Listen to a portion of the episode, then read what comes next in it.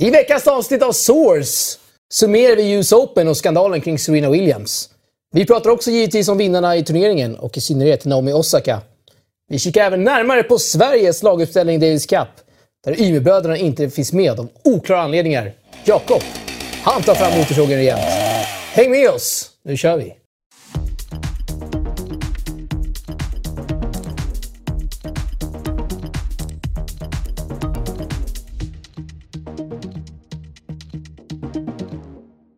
Varmt välkomna ska vara till ett nytt avsnitt av Source, programmet där vi diskuterar tennis. Och eh, först och främst så vill jag välkomna Jakob tillbaka i studion med en väldigt fin frisyr.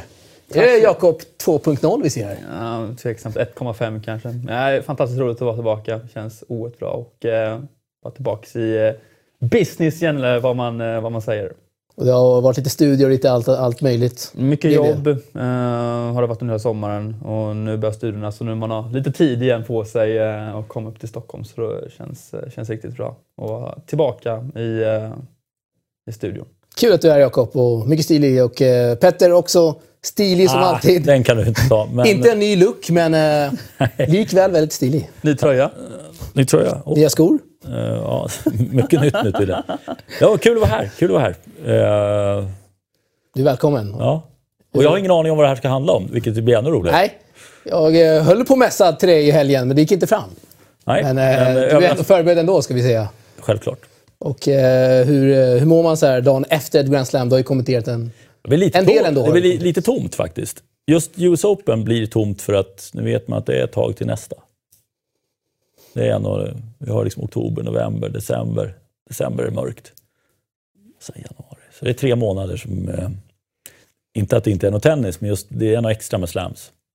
Men kan, kan det också vara lite skönt så här efter att man har kommenterat hyfsat intensivt, att det ändå är över och man kan blicka framåt mot nya nej, grejer? Det, det är ju faktiskt, jag, jag kan tycka att det, jag, kan börja känna att jag saknar redan efter här på fjärde, femte dagen när man börjar komma till eh, tredje rundan. För då är det mycket färre matcher. I början så är det så mycket mer tennis som händer överallt. Och de första fyra dagarna, skulle jag säga, första och andra omgången tycker jag är fantastiska, roliga. För där kan det komma lite spelare också som man inte vanligtvis gör. Och det kan hända något kul, man får se något knäppt. Eh, sen får man ju se fantastiskt mycket bättre tennis ju längre turneringen lider. Men det är ändå roligt att göra de här första dagarna. Just som kommentator så vet man inte alltid var man landar heller. Utan det får man se liksom hur, man, hur matcherna går på olika banor. Ja, men eh, ja, men det, nu är det vardag. Nu är det tennisvardag igen. Sömnig vecka. Mörkt också det har blivit i Stockholm. Och höst. Och allt vad det innebär. Eller Jakob? Är det mörkt ute nu? Det är inte mörkt ut. Ah, det var väldigt grått i alla fall. Äh, gnällspik. Det blir mörkt vid åtta nu på kvällarna. Nej. Jo. jo. Eh, hur som helst, eh, vi har ett späckat schema. Vi ska eh, summera US Open och så blir det också en hel del snack om Davis Cup mot Schweiz. Och där en av oss har en hyfsad sågning i alla fall, vad jag vet, till en av spelarna. Två av spelarna, ska vi säga. Och vi går över till US Open direkt.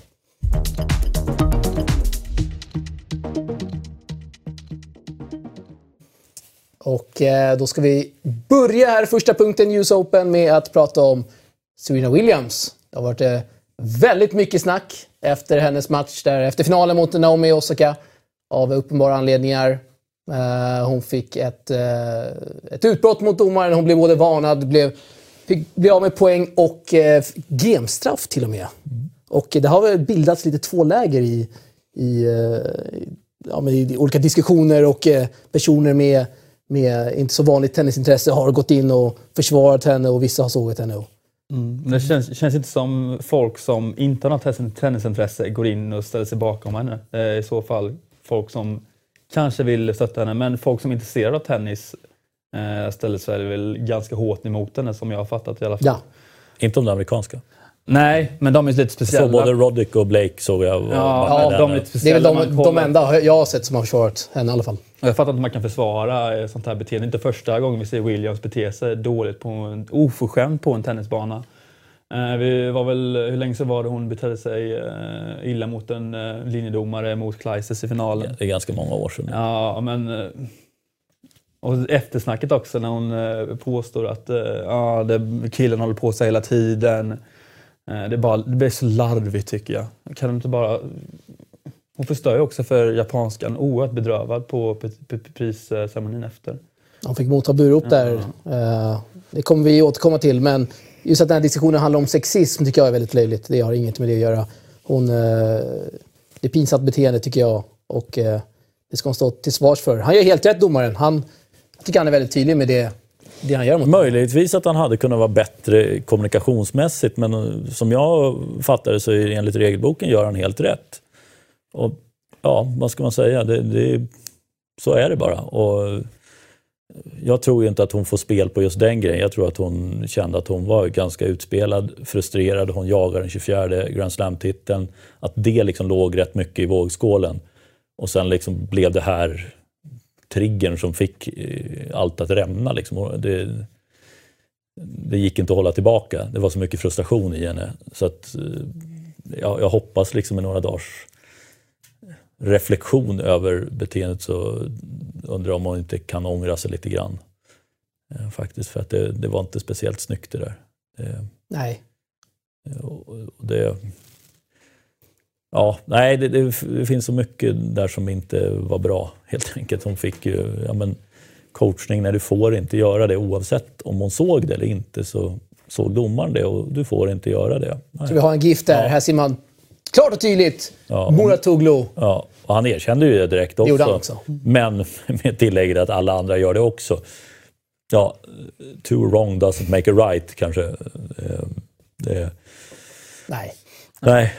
Eh, och han var ute rätt mycket på Twitter också och letade upp... Azarenka backade Williams också för övrigt. Ehm, men Muratoglu eh, retweetade mycket grejer direkt efter match också, vilket jag kände också att nej, lugna ner dig lite grann. Ta det piano. Jag vet att du ska skydda din adept och det, det gör han ju fullt ut, men ta det lugnt istället. Låt det där vara. Och sen så tar ni det liksom när ni har pratat igenom, tänkt igenom alltihopa. Mm. Det känns ganska omöjligt att hon ska be om ursäkt dock för det här beteendet. Eh, tror verkligen inte jag på i alla fall. Jag, jag, jag, tror inte det är helt omöjligt att hon gör det, faktiskt. Det, det tror jag inte. Väldigt oklart också att Asarenka går in i försvaren. Det är ju den personen man typ tänker minst på, förutom Sharapova som skulle gå in och... Nej, absolut inte. Där, där är du snett på det. Mm. Ja. Eller hur? Är det det? Varför mm. då? Nej men de två, om jag fattar det rätt så är de, eh, ja men de kanske inte sitter och byter julklappar med varandra på julafton. Eller att gemensamt hat mot Sarapova kanske? Nej, men de, de var ju... Det var ju för mig att Williams var ju en av de första som träffade Sarenka efter hon hade fått barn nere i Miami där hon var baserad då, tror jag, om jag minns det rätt.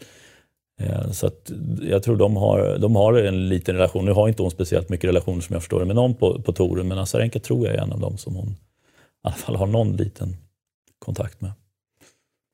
Mm. Ja, mycket snack blev det. Men eh, det man inte får glömma det är att Osaka gör en fantastiskt fin insats. Som hon spelade. Ja, oj. Otroligt välförtjänt. Oj, oj, oj. oj, Det, att kliva in i sin första Grand Slam-final och möta sin... Jag tycker det är mycket snack om Idol, men det spelar ingen roll för är, är du där inne så är det en match som gäller. Och jag tycker att hon hanterar det exemplariskt och, och ja, som hon spelar och så respektlöst. Och jag tror också där att Williams är van att många av hennes tunga slag får hon inte tillbaka eller får tillbaka ett ganska lätt slag. Men Osaka kunde kontra och hade kraft också att stå emot. Och då är det klart, då blir det också jobbigt. Så jag tycker det, det har de gjort. Sen så finns det ju, det står det också med varför det var extra känsligt kanske för Morat och mest, men eh, hade ju bra scouting. Tränaren till Osaka är ju gamla hitting partner. Just det. Just det. Sasha Bajin. Eh, och, så det hade de nog ganska bra koll på, eh, just Serena, hur de skulle göra det. Sen att genomföra är en helt annan sak, men otroligt imponerad genom hela turneringen av henne faktiskt. Det, jag trodde inte det. Jag vet att jag och Henrik satt i, i vår podd och pratade om det när vi hade kommit till kvartsfinal. Och han var inne på Osaka och jag sa nej på det. Jag trodde inte att hon skulle hålla hela vägen. Men, nej, häftigt. Mm. Fantastiskt. Och som hon eh, avslutade matchen också, visade inga prov på nerver utan det var, hon var iskall och nästan bad om eh, ursäkt efter matchen att hon förlorade. Ja, I prisceremonin där. Ja, prisceremonin var ju tragiskt eh, ska vi säga, men det tar vi senare som sagt. Men eh, fantastiskt spel av Osaka och visar en ojämn nivå eh, under Un, ja, det var när jag tappade pokalen också. Men uh, har ju visat... Ja, lite lost där. Uh, har en, uh, visar ojämn kvalitet under hela säsongen. Uh, mycket ojämna resultat, men när hon får till det så är hon ju kanske bäst. har den högsta standarden just nu tillsammans med Williams. så det är väl bara en tidsfråga innan hon kommer... Hon är ganska vara 20 år. så hon har framtiden för sig och det är väl inte första GC-bucklan hon GS-bucklan hon får lyfta. Jo, det är den första, men ja, inte men... den sista. Inte den sista. Det är väl härliga bilder där när hon inte vet vart hon ska ta vägen med pokalen, vart hon, när hon ska lyfta. Sådär. Ja, jag vet en till som jag tror står utan buckla men armarna i skyn och det är väl Chris Kermode som är VTA-torens eh, head honcho. Det tror jag, att få ett, en asiatisk stjärna på väg upp tror jag är, är precis vad de behöver. Och det här är ju någon som har lite karisma, som är en, en personlighet som kan bygga touren tror jag. Eh, inte bara, men, men i liksom nästa generation efter Williams så tror jag det här var helt rätt. Eh, istället för några andra, men en Pliskova som inte är speciellt lätt att göra någonting med. Eh, exempelvis. Men det här är helt rätt. Mm. Det blir bra med Nishikori också, kan lyfta tennisen i Japan. Och väl också en större karisma med Nishikori också, om man har fattat det rätt. Han försöker ju. Har du case up? Uh, nej, jag, ska aldrig, men jag glömmer aldrig när han dissade att köra med en selfie med mig i Halle för 5-6 år sedan. Oj. Uh, oerhört hånad blev jag. Han har inte ens bråttom någonstans och bara no thank you, sen stack jag. Men jag fick uh, Federer på den turneringen också. Så. Det är sjukt stor i Japan vad man har förstått. Hört stories som att han måste boka olika flyg för att inte folk ska få reda på när han uh, anländer till, till Tokyo och sådär. Och... Det är inte lätt att vara Jag vet inte om det stämmer riktigt, men uh, kanske det gör. Ja, man gör, det kan jag mycket väl tänka mig. Att, att han har sånt. Och då har han ändå varit USA-baserad väldigt länge. Men, nej, nej, men han, det kan jag förstå, de har, ju, de har inte så mycket. Det har ju varit Kimiko Datekrum som spelar från 82 till 2017. Stort sett. Det är väl nästan det enda. De har haft lite andra som inte riktigt har nått upp hela vägen. Så Nishikori, jag förstår att han är stor. Taro Daniel också på väg upp. Eller? Ja, men, ja, på väg upp, men han, han är inte en Nishikori-klass. Nej, det är han inte. Nej. Nej. Jag vill hämna Taro Daniel och eh, prata lite om eh, Rebecca Petersson. Mm. Som ändå gjorde succé i ljushoppet, får man väl ändå säga. Tycker jag. Går till en tredje runda. Inte succé, Jakob. Ja, du stirrar snett på mig där. Två segrar i US Open. Bra första seger mot Pavlyuchenko, men som, ligger, ah. som låg 28 i världen. Ja, det är men det är, alltså, de, eh, det är inte lika högt att slå en liksom 28-rankad. Alla, alla topp 100-spelare eh, från 10 till 90 till 100 liksom, kan slå varandra varje vecka. Liksom. Så det är inte, inte lika hög dignitet om en, eh, om en herrspelare runt 70 skulle slå en, eh, slå en 28-rankad. Liksom. Men jättebra gjort av Rebecka och svinkul. Jag ska säga... Jag, Byter jag, ny mark. Är det succé, jag, Petter? Ja, men jag, jag tycker framförallt första segern för att jag såg eh, större delen av den matchen, ska jag säga. Inte ända fram till matchboll, men eh, så som hon jobbade så blev jag ruskigt imponerad för jag tyckte hon var helt utspelad i första set och jag var nästan säker på att det här kommer bara rinna ifrån. Men hon fortsatte att mala på och inte, som jag tyckte syns, inte ändra allt för mycket och helt plötsligt börjar Pavlyuchenko missa och Rebecka bara fortsätter och fortsätter att mata och så kommer hon in i det här vinnande. Och, ja, det är ruskigt imponerande att inte bli stressad av att bli faktiskt ganska utspelad då som hon blev i första set där. Och sen fortsätta och följa upp med vinst i andra omgången. Eh, och sen så eh, ska hon normalt sett så tror jag faktiskt att hon har väldigt god chans mot en Kanepi. Men just US Open gjorde Kanepi en bra turnering förra året och dessutom eh, bra rull efter att ha slagit ut Halep i första. Så där blir det lite svårt, med, tyvärr. Men det kändes som att hon hade en rätt god chans i alla fall inför den matchen. Men inget, inget, ja, men det är inget konstigt att hon torskar mot henne. Nej. Men, ja, men det är väldigt gott betyg i alla fall. Om jag inte skulle använda succé så är det i alla fall ett väldigt gott betyg. Mm. Och byter ny mark får man ändå säga. 54 i världen nu, högsta karriärranking. Du hade garanterat topp 100 här inför, inför ja, 2018. Ja. Snart är hon topp 50 i världen. Ja, det är väl ingen omöjlighet att ta in topp 50 heller den här säsongen. Uh, skulle säga det beror på hur mycket hon spelar såklart under den här säsongen. Det är inte riktigt lika högt prioriterat uh, resterande delen, men uh, topp 50 givetvis. Och ska vi dra till med topp top 30 nästa säsong då kanske? Oj. Ja, Oj. vi måste sticka ut hakan här Ja. Ja, jag märkte det. Topp 100. Kanske vi Ja, får... ja, det var rankad. Vad var rankad? Vad var, var, vad var rankad när vi satt och spelade in Ja, det podden? var väl 150. Ja, slash. Ja, Det är ändå en bra, precis. eh, bra gissning ändå, får man väl säga. Ja, det är Jakob. Så att, Bra spaning, Ja, bra, kanske. bra Jakob. Väldigt Nej, sannolikt. Topp 30 måste jag säga, Väldigt- den, den, är- den, är- den gillar jag. Där sticker du ut hakan. Ja. Topp Vi 100 kan få odds på det från Leo Vegas. Spela en peng, Jakob, på det. Eller? Ja, varför inte? Spelar bort det hela studielånet.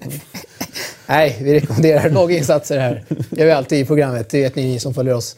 Eh, lite coolt är att hon, eh, hon laddar upp i US Open eh, med att spela på en kvartersbana i Järfälla. Jag skrev en artikel om det. Jag vet inte om ni har läst den kanske? Givetvis. Ja, härligt.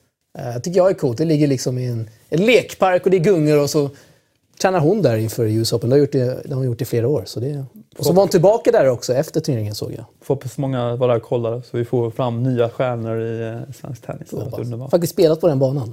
Har inte jag. Ska inte avslöja hur jag kom in där men... Eh, ja, riktigt Du kommer inte till. US Open i alla fall. Förlåt? Du kommer inte till US Open Nej. i alla fall. Nej. KM i Sigtuna. Det är, det är max för mig. Torska i första. Nej, hur som helst. Eh, Djokovic, Novak Djokovic, vann här eh, mot eh, Juan Martin Del Potro. Såg otroligt stabil ut. Det var fantastiskt pingpongspel de första två seten. Alltså. Oj, oj, oj. Gamla Djokovic, får man väl ändå säga, Ja. är tillbaka. Hans 14 GS-titel om jag inte Mm. har helt fel.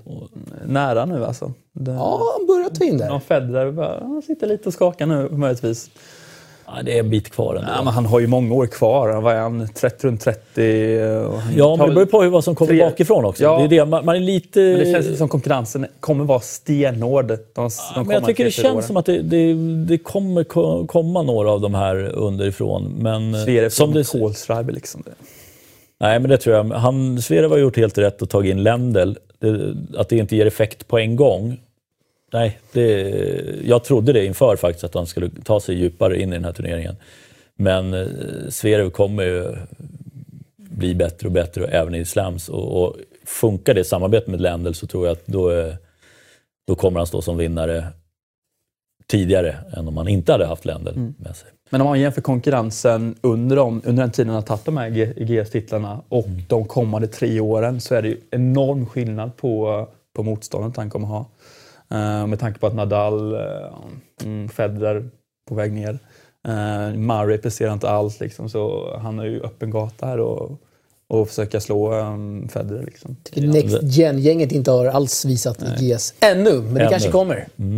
Ja, men du har Del Potro som är fantastiskt kul att han eh, tar sig så här djupt. Och, och, ja, för, hade han fått med sig det andra sättet, alltså, då, hade det, mm, då hade det kunnat bli något annat. Men nu fick han inte det och det är ju de här små marginalerna. Och Djokovic lyfter sig ytterligare lite till i tiebreaket och, och får med sig det. Och det, jag är så jävla impad av hur han spelar där under de två första seten. det åttonde gamet där som var enormt Ja, eh, långt. 20 minuter. Ja, helt sjukt alltså. Ja, Och vi ska ju komma ihåg stämningen och matchen var ju riktigt bra. Man kanske inte ser det på siffrorna men eh, det var ju enorma bollväxlingar. Ja. Eh, så det är kul för tennis att han fick liksom, lite bra reklam efter debaclet i damfinalen. Ja, ja men och sen också att eh, när det är utanför de normala, om man uttrycker sig så, i, i finalen. Nu är Djokovic och Del Potro, Del Potro har förvisso vunnit US Open men, men ändå inte prenumererat på att vara långt framme, haft stora skadeproblem och allting.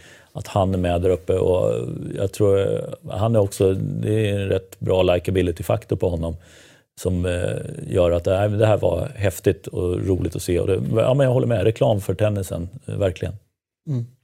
Jag hade ju tippat Del Potro som flopp här i vårt program för två veckor sedan. fick man ju sannerligen äta upp. Menar jag på att han, Del Potro hade svårt att slå backhand. Hade han det? Det hade han ju för två veckor sedan. Tyckte jag mig se när han lirade. Men eh, nej, det hade han Det inte var i US första omgången i KM i Sigtuna. alltså. Ja. Och så kunna få tycka saker här i studion. Ja, det är, klart, det är klart man ska göra det. Ja, det är klart man ska göra det. Sen att jag har aldrig haft fel någonsin. I, i, men, men nej, den hade jag, då hade jag hoppat på det om jag hade varit här för två veckor sedan. Det, Men eh, hans slice har ju blivit mycket bättre i Argentinien måste jag ändå säga. Ja, men det, var, det, var ju, det blev ju lite så att han fick... I början när han kom tillbaka så var han ju inte hel i handleden, så han stod och slicea extremt mycket. Och var ju tvungen att få till den, att inte bara vara att skära tillbaka, utan det blev ju ett vapen det också, så nu kan han hantera både slicen på ett otroligt bra sätt och sen även använda med en normal backhand så att säga.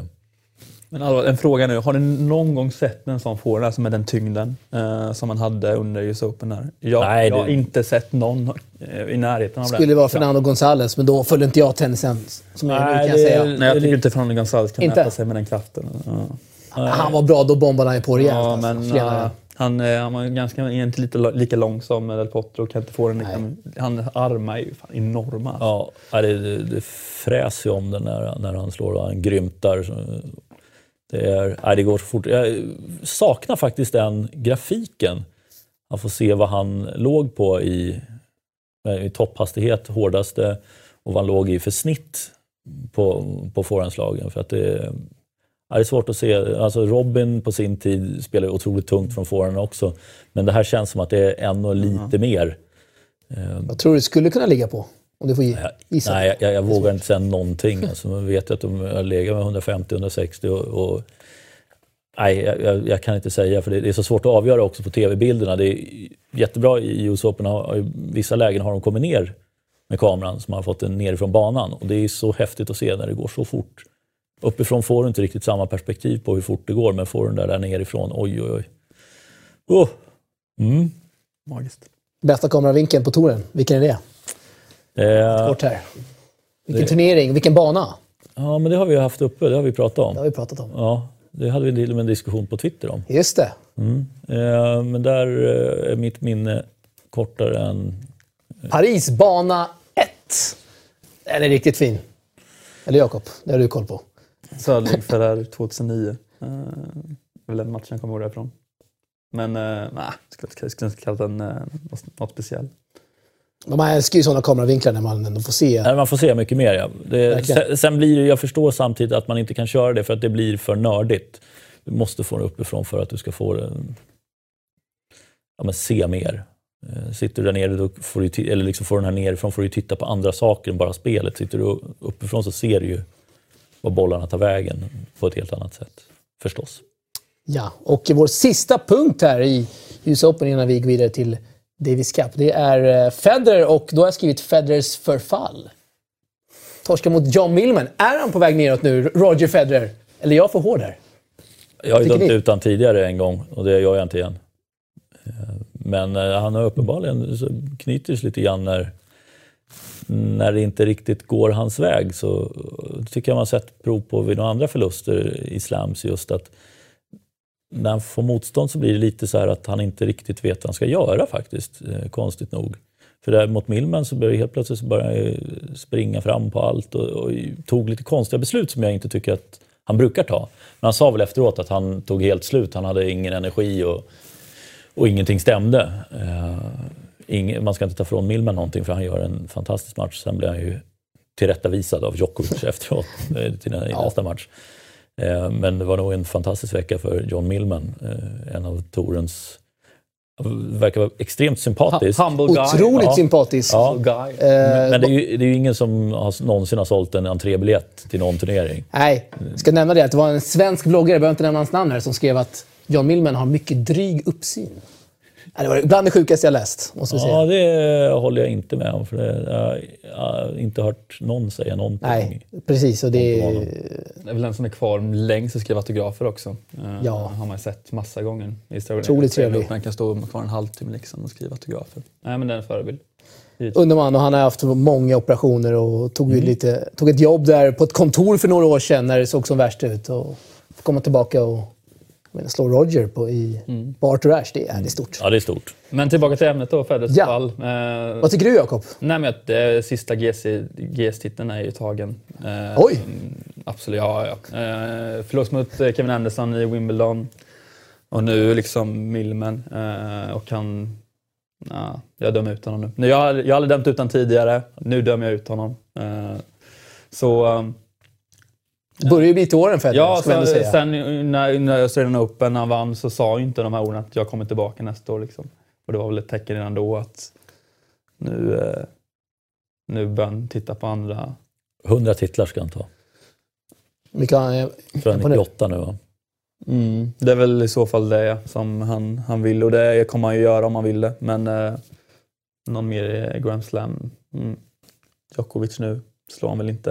Eh, Då måste han... Inte i det slaget som Djokovic. Nej. Och I Cincinnati så tyckte jag syntes också att där hade Federer svårt att hitta vad skulle han göra för Mm. att ja, men störa Djokovic tillräckligt mycket. Nadal tycker jag, där har han ju, hittar han ju någonting när han här kom tillbaka Federer, eller vad man ska säga. Då hittar han någon nyckel till hur han skulle spela mot Nadal. Men mot Djokovic, när Djokovic är bra, så hittar han ingen riktig öppning, tycker jag det ser ut som i alla fall. Nej. Över tre set så kanske han fortfarande kan vinna, men just de här femsetsmatcherna, det blir nog svårare och svårare för honom. Ja, det var en... Vad tror du Alex? Jag tror att han har en... Sopa rent nästa år. Jag tror att han har en, en till GS Oj, i kroppen. Vad? I Wimbledon. På det fina gräset. Det tror jag faktiskt att han... eh, Att han eh, bör kunna utmana nästa år. Varför inte? Även fast jag skrev här Federers förfall i mitt körschema så Men tror var jag att det- han var har det en till. Var det ett frågetecken efter det eller? Eh, nej. Var det inte det? Han, han konstaterar det. Ja, det Ja, till och med det. stabilt. Ja. Nej, Wimbledon tror jag. En sista där. Säger vi. Mm. Tror jag inte på men... eh, Nej, nej, Du sticker ut hakan där. Ja, det, det, måste man göra ibland. Jag, jag gillar det. Jag gillar det. måste man göra ibland. Och eh, nog om US Open. Så ska vi, om inte ni har något sista att tillägga här, Det är bra. ska vi gå vidare till eh, Davis Cup.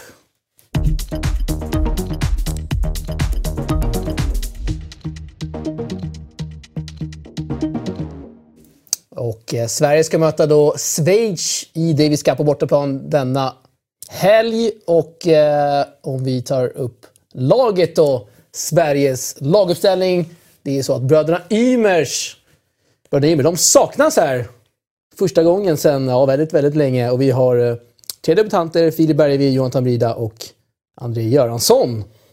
Och vi ska tillägga, tillägga här att den här matchen betyder inte så jättemycket. Även fast Sverige förlorar så skulle man kunna kvalificera sig för det nya DC-formatet. Uh, Playoff. Playoff, ja. Vinner man så blir man sidat vad jag har förstått. Det är... Yes. Precis. Vad säger du jag, om det här? Efter, den- står över. efter, de, efter de sviterna de har, det, tre, fyra raka segrar, liksom, så borde de ju eh, finnas med för att visa att eh, vi står bakom Sverige. Liksom. Eh, och vi tycker det är kul att spela Davis Cup. Men uppenbarligen eh, tycker de inte det är jättekul att spela Davis Cup om man gör så. Jag kan förstå i och med de här förändringarna som har gjorts med Davis Cup-formatet i och med att den är smått till ganska ovik- oviktig match. Men eh, alltså en playoff-match, man har eh, vunnit extremt mycket uppmärksamhet genom de här Davis Cup-serierna tidigare och har fått väldigt mycket kärlek av svenska folket. Och nu när man eh, står inför sån här viktig match, eller viktig är det inte, men en ändå stor match eh, som man har kämpat så länge för och då skippa på det. Jag tycker inte, jag tycker inte det bör sända några bra signaler från eh, Umeåbröderna. Eh, de bör ta sig dit, tycker jag. Jag vet inte hur deras schema ser ut i övrigt nu när de är i USA och spelar, när vi spelar in det här. Eh, hade det varit en direkt avgörande match om formatet hade varit detsamma nästa år, då tror jag faktiskt att de hade spelat. Ja, givetvis. Eh, Garanterat skulle jag säga. Så att, eh, jag vet inte, det, det, jag tycker det är lite svårt. Och, du, du kan väl vara inne på att de inte tycker att det är så kul att, att spela Davis Cup. Eh, men jag tycker på något sätt att det är rätt också att det ska inte behöva tvingas att de ska spela. Utan vill de inte spela, vilket de uppenbarligen då har gett signaler om, nej men då, då ska man inte ta ut dem. Och det, det är bara att det blir så extremt känsligt för oss nu eftersom de har gjort bra resultat i Davis Cup. Och är våra bästa spelare. Så Men samtidigt handlar det handlar inte om att tvinga utan alltså, men de det- är ju 130 och 300 i världen. Liksom. Okej, när Söderling var som bäst, att han kunde skita i. Liksom. Det hade jag full respekt för. När han eh, sket i Halmstad till exempel. När de fick ta in Leskovic och Ridestedt mot Djokovic och, och herrarna. Men de här spelarna är inte riktigt bra nog för att för att eh, tycka sig vara själva för bra för att, för att stå över, tycker jag. Ehm, men eh, Men å andra sidan, så om man skulle vända på det så skulle ju då en högre rankad spelare kanske inte lika beroende medan de här behöver varje poäng de kan få. Mm. Att det finns en sån också och det är nog det som gör att de kan spela hela året på- på den, på den nivån som de vill spela. Ja, men går, går någon av dem till semifinal, final den här veckan så ja, då har de ju verkligen då är det på något sätt att de har valt rätt utifrån sitt eget perspektiv. Eh, sen, jag tycker det är jättetråkigt att de väljer att inte göra det. Samtidigt så just det här, i och med att matchen... Jag har inte riktigt fattat hur det blir om man förlorar heller. Men eh, hur, hur, vilka som går till playoffet, det beror väl på hur det går i de andra matcherna gissar jag. Eh, och, ja, men det, det, blir liksom inte riktigt, det tog udden lite av det. Att, ja, när det blev klart att det skulle vara en avgörande match mot Schweiz, ja men jättekul om en plats i World Group och sen så pff, ner så blir Precis. det... Nej. Förbundet hävdar ju fortfarande att den här matchen är väldigt viktig. Det är ju... Jo, men det är ju deras jobb att göra Precis. också. Så det, det Det- är inget, ja. Och det är klart att vinner man så är man ju garanterad en sidning i, i ett playoff. Eh, men, och, vilket gör att man då slipper de värsta lagen att möta. Eh, men eh, ja, nej, jag, jag, är inte, jag är faktiskt inte så upprörd. Eh, det får du vara Jakob. Jag är lite mer inne på din linje här. Jag förstår jag- bröderna. Jag är inte säkert upprörd, men jag tycker det, jag tycker det är lite dåligt att inte spela Davis Cup. Jag är inte upprörd. Eh, riktigt så. Eftersom den är, om den hade varit viktigare att vara upprörd. Vi tänkte ju åka och kolla på den här matchen. Ja, det var nära. Väldigt nära att vi... väldigt nära och vi är väldigt tacksamma nu att, Ja. vi, att vi inte åkte dit eftersom det inte hade varit så, så hett. Liksom. Men eh, att se Robban i hans troligtvis sista Davis Cup-match hade ju varit något. Eh, väldigt överraskande att han tackar ja. Eh, det visar ju, om man jämför liksom hur mycket man brinner för det så, så finns det ju olika nivåer eh, om man jämför Robban och Umeåbröderna. Just Davis Cup. Jag förstår ju bönerna helt och hållet eh, med tanke på matchen. matchens betydelse. Eh, ändå lite tråkigt tycker jag att eh, de står över samtidigt eftersom Johan Hedsberg har ändå varit med och byggt upp Mikael Ymer under så pass lång tid. De är obesegrade under Johan Hedsberg också och nu väljer man att stå över. Uh, tycker jag är lite tråkigt. Ja, Men jag eh, förstår bröderna helt och hållet faktiskt. Mm. Eh, och förbundet, vad vad har vi fått för signaler om dem? De skrev väl knappt någon anledning till att Inget de, alls nej, jag säga. Nej, inte någonting om att de stod över liksom i, när de presenterade laget. Eh, Ja, men det var väl det, det, Ja, var ja, men eh, tycker det verkar vara lite, lite schysst däremellan kanske. Jag tror det. Men, ja, jag har en känsla av att, eh, att de, de drar inte åt samma håll. Eh, känns det som. Varken förbundet och Umeåbröderna. Och, vilket- och det är ju väldigt nödvändigt om, om, Sverige, om tennisen i Sverige ska växa. Att de är på samma linje. Men jag tycker det börjar vackla lite. Har man sett lite tendenser till eh, om man rör sig mycket i olika tenniskretsar. Att, eh, nej. Ja. Får helt enkelt se vad, hur, eh, hur det går i helgen. Vad tror ni? Kan Sverige vinna med det laget man ställer upp med här? Ja, men det är Schweiz har snarare- inte ett jättestarkt nej, lag Nej, heller. jag tänkte säga det. Schweiz har ju inte nå- något det är inte lag Fedor Wawrinka direkt. Nej, det, det är det inte. Det är Mark-Andrea Hussler om man nu säger så. Ja, Hyssler va? Hyssler Eller och stoppa Laxonen. Laxonen är med. Ja, Laxonen, det, den blir ju en svår nöt att knäcka. Oavsett vem som spelar för Sverige. Eh, Ja, men det är väl, det är väl andre, andre mannen och dubben.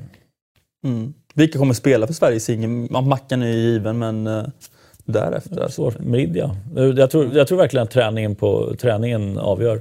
Sen har de ju tre dubbelspelare i och med att Eriksson och Göransson har spelat eh, en del på Källinretouren. Mm. Så det är också, jag vet inte om Robban är med för att stötta upp. Så att de vill Eller- spela Robban. Då blir det ju Robban och Marcus Eriksson. Det är jag helt övertygad om. Ja. Och Merida då? Känns väl... Ja, det, men, nej, inte dubbel, men singel. Nej, ja. sagt, Ja. Singel så är det ju Handel Bergvi och det tror jag det avgörs nog av träningen under veckan faktiskt. Ingen Gustav Hansson här. Vann Nej, två Futures ja, i somras. eh, Och inte Friberg heller. Eh, Nej. Lite intressant, Friberg var ute och spelade någon annanstans, här stod, Mm. såg jag.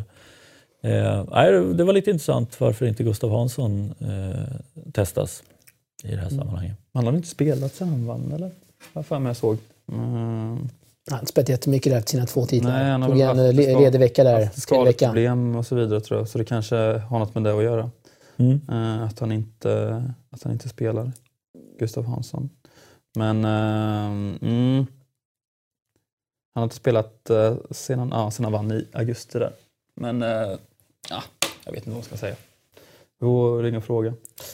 Får göra kanske. Nya DC-formatet. Hur ställer du dig till det, Petter? Ja, jag tar inte fram sågen än faktiskt. Inte? Nej. Du, du väntar in det. Ja, jag är väl lite mot att, eh, att det är väl tre matchers och eh, tre matchers och eh, tre set va? Är inte det som är nya formatet?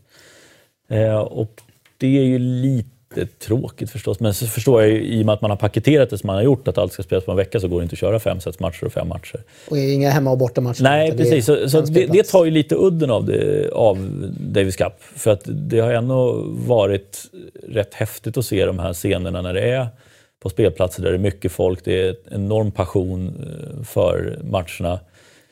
Eh, Men okej, man måste testa någonting nytt och ja, gör det.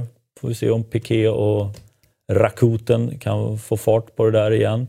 Eh, Man har sett lite kritik från spelarhåll, men inte från toppspelarna, vilket jag tycker är rätt intressant.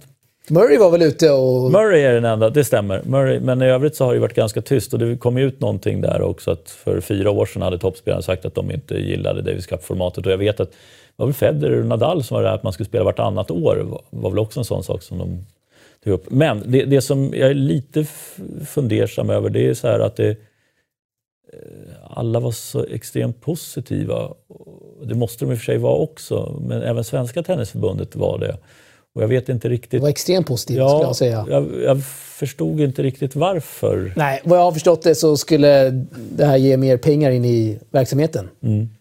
Det jag har förstått i alla fall. Uh, sen vet jag inte mer om det, men eh, det är min Men det måste vara baserat på hur, hur det går. Alltså, om, om du, om Jag tror man är garanterad en viss summa i det här.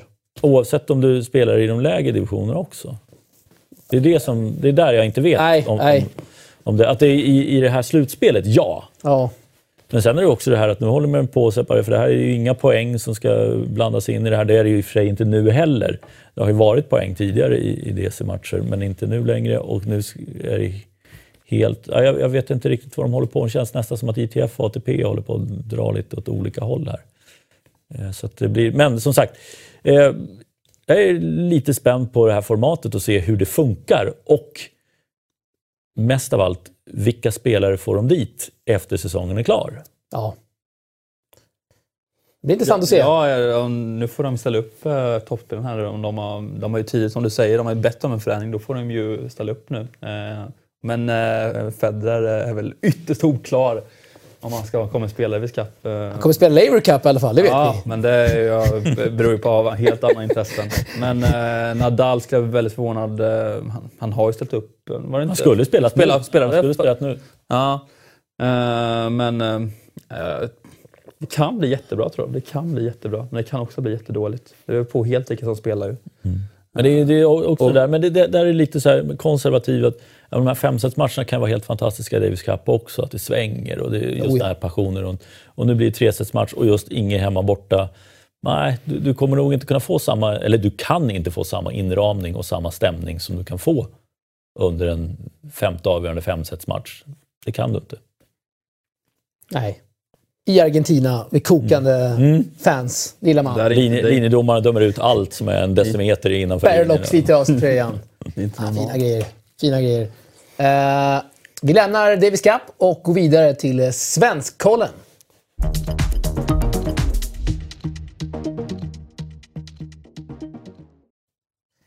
Och eh, då ska vi ju kika på veckans svenskar som vi har som ett nytt segment i vårt program. Och det blev ju då Rebecca Pe- Petersson efter hennes succé, som jag har valt att kalla det. Jag tycker ändå det är en succé i US Open. Gått en tredje runda där. Eh, ohotad får man ändå säga. Nära säga Pettersson där. Det var väldigt nära. ja, det, är, det är inte lätt alltså. Rebecca med två C också. Jag har ju stavat med CK och fått skit, skit för det förut. det alltså? Ja. Nej, men det finns väl inte eh, så mycket konkurrens. eh, Nej. Så det var väl givet att hon skulle bli veckans svensk. eh, Så eh, inga, inga, inga, inga invändningar mot, eh, mot det. Du har ingen här Petter? Nej. Nej. Grattis till Rebecca får vi ändå säga. Mm. Veckans svensk. Och då ska vi också kika på lite fler resultat här från, eh, från dagarna som har gått. Vi ser Linus Frost i Frankrike.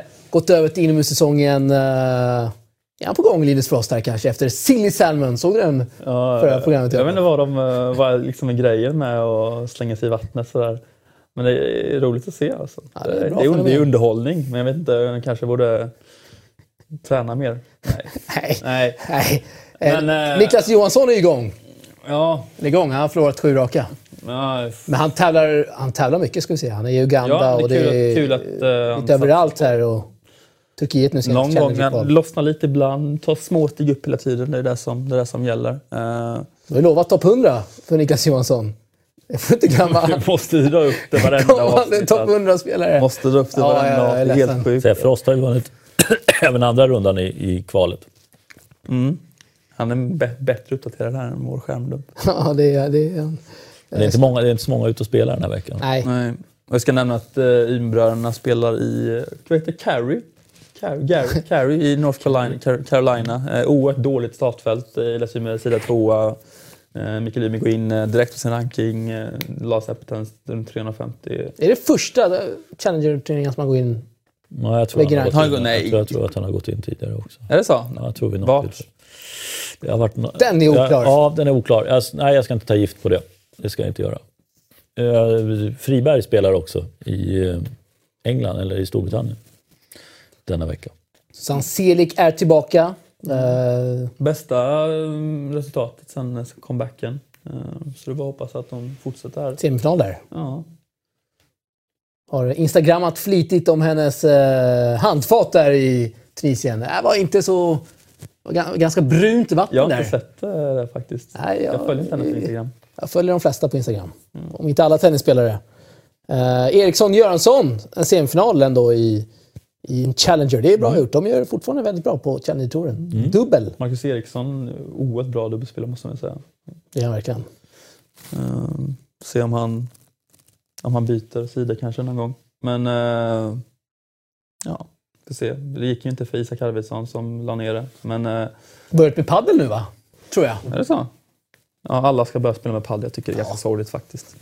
Det är till och paddeln. med- Till och med Peppis kollar på, äh, håll, saknar nivå eller? Eller? Har jag rätt alltså? Spela tennis istället. Den riktiga Ja, sporten. det, jag spelar gärna tennis, men det är lättare att få paddelmotstånd nu än vad det är att få tennis. Mm. Det är liksom som att ha en väldigt varierad spelstil på padelbanan. Stämmer det? Jag? Ja. Man kan inte förvänta sig vad det kommer förslag. Nej, det kan man inte göra. Nej. Det är helt rätt. Du som jobbar ibland på, eh, ursäkta att jag avbryter här, ibland på Eurosport. Hur populärt var det i somras när det var, eh, visade lite paddel där? Det vet jag faktiskt inte, Inte? men jag vet att det var enormt bra tryck på plats. Eh, Det var väldigt uppskattat från alla håll och kanter faktiskt när det gäller det där. Jag tycker det var jätteroligt att det gick så bra också. Det blir ju intressant nästa. Nu var det ju perfekt inramning, det var ju strålande sol och allt var bra. Det vet ju hur det kan vara en lite sämre sommar i Båstad. Då är det inte lika mycket Nej, eh, glädje kanske. Men eh, jätteroligt, det var ju jättemycket publik där och titta. Och, eh, det, ja, men jag, tror, jag vet inte, som tv-sport har jag väldigt svårt att se eh, hur det funkar. Men eh, det är nog väldigt roligt att titta på på plats. är det en tramsport Jakob här innan vi går in? Ja, jag dissade, jag var inte där någon gång faktiskt, jag dissade hela padelveckan. Eh, Oj, bojkott! Ja, det kan man kalla en bojkott faktiskt. Men eh, nej, jag tycker inte det är så kul att kolla på. Man ska hålla på och springa utanför burarna. Snälla, kan väl hålla sig innanför burarna i alla fall. Jag håller med, jag tycker det är lite för, för mycket hype kring padden. Ja, eh, Herregud. Jönköping där jag kommer ifrån, har fem banor under uppbyggnad. Eh, man kan ju räkna med hur många av dem som kommer kursa inom ett till två år. Zlatan kom in nu i bilden, ska bygga nio banor vid något obskyrt ob- industriområde. Eh, I, Älvsjö tror jag. Vad sa du? I Älvsjö. Mm, Det är redan öppet.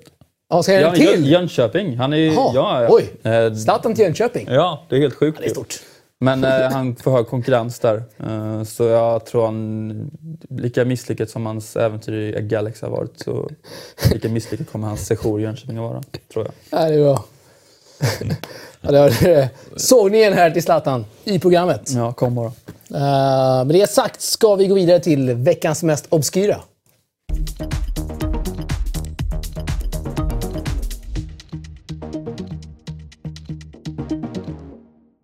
Och eh, veckans mest obskyra är ju det som hände under eh, prisceremonin mellan...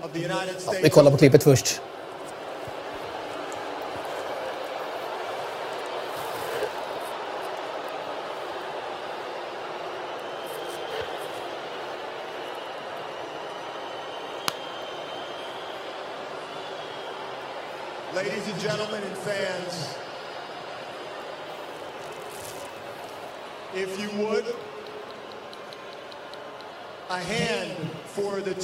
Competitors who played in this finals match tonight.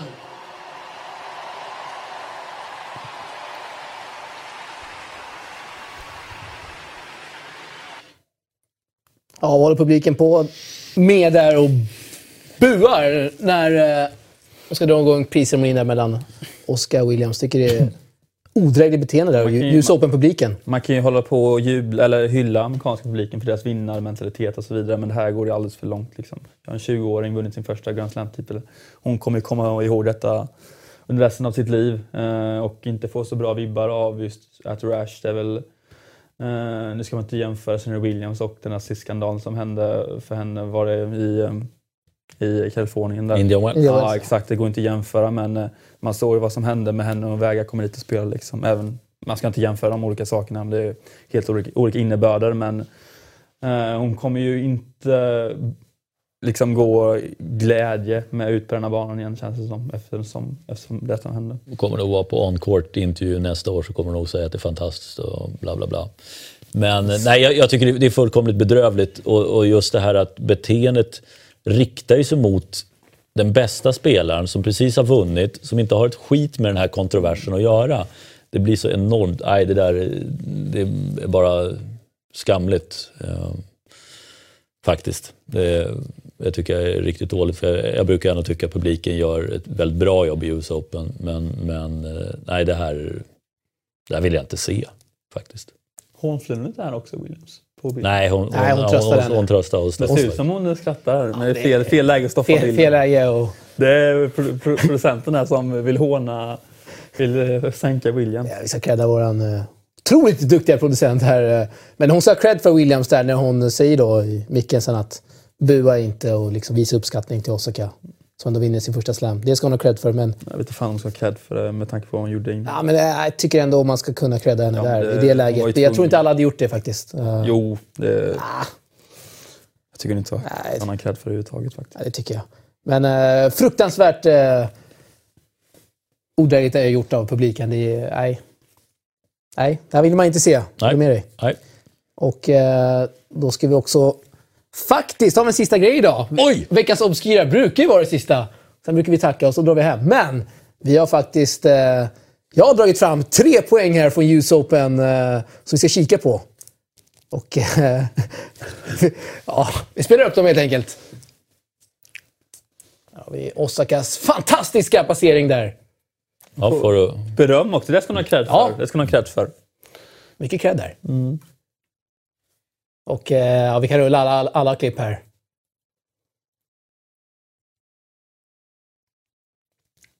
Magi. Så har vi den sista då.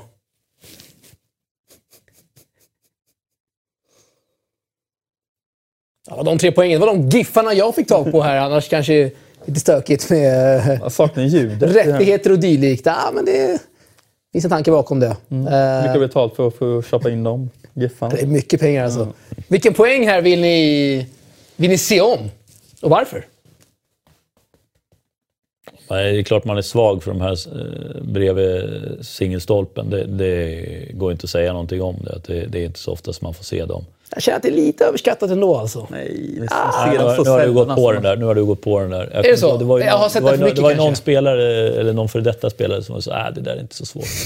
Eh, det- det nej, håller nej, förvisso, om. men då, du ska läsa det och du ska tajma det och du ska ändå liksom lyfta den innanför. Det är inte någon jätteyta han har spelaren på egentligen. De chanserna dyker ju upp så sällan också. Ja, och, ja. och, och slå den då, det är ju helt...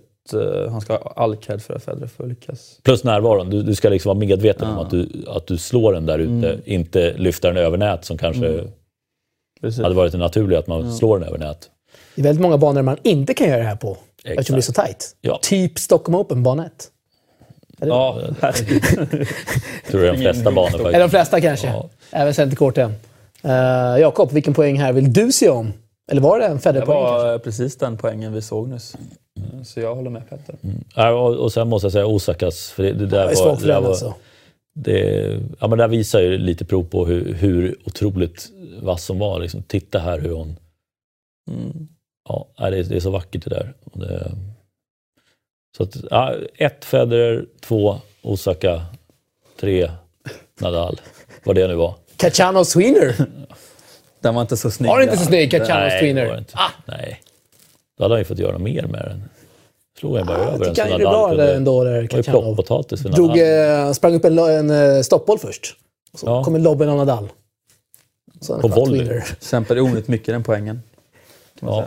Ja. Gjorde han... Eh, Men han gjorde ju en fantastisk insats. Otroligt bra match. Mm. Och eh, då går larmet här. Och det säger väl lite om att eh, vi inte har så mycket tid kvar här, Jakob. Vi vill klara med allt. Ja, jag tycker det känns jättebra. Lite ringdostigt idag, men vad fan. Jag tycker du var på gång idag. Tack. Mycket sågningar. Ja, måste sågas. Det här är mer slice-hållet. Jag vet inte varför jag gör den här. Men eh, nej. Bra. Ja, kul att du var här, Jakob. tack så Och mycket. eh, alltid kul att ha Petter här i studion. Jag var för snäll idag. Tycker du det? Nej, Jag var inte så arg. Nej, Jakob var den arga idag. som vanligt. Vad väntar här, eh, härnäst? Blir det något mer tennisjobb för dig, Petter? Nej, får vi se om det blir något mer i år. Eh, tveksamt. Tyvärr. Ingen Stopp- Stockholm Open? Vilka sänder det? Nej. Är det vi har satt? Vi har satt gjorde förra året. Ja, det borde vara dem va? Mm. Får vi höra Fiddy kanske, comeback. Vår vecka ledig från Edmund där. Gick inte jättebra i US Open. Uh, vad var det som förlorade mot? Ja, skitsamma. Nej, det Han har dina papper där. Ja, det var- Det var eh, väldigt, eh, ingen bra förlust alltså. Det kommer jag ihåg i alla fall. Nej, det var det inte. Eh, kan inte vara mot Donald Young, va? Han torskar man ju inte mot. det var en spanjor, har jag för mig. Carreno Busta kanske? Nej, Nej. det var en betydligt sämre spelare. Det var en italienare. Ja, Spanjor? just. Lorenzi. Lorenzi, Lorenzi. Ah, den är inte okej. alltså. Fyra set, alltså. Nej, det... Även fast jag älskar Lorenzi så någon måtta finns det ändå i ett Grand Slam. Mm, nej, det är mm, inte bra. Inte bra. Nej. Nej. Nej, nog om det. Vi, eh, Nu får jag avbryta detta. vi eh, syns om två veckor helt enkelt. Ha det så bra. Tja! Tja.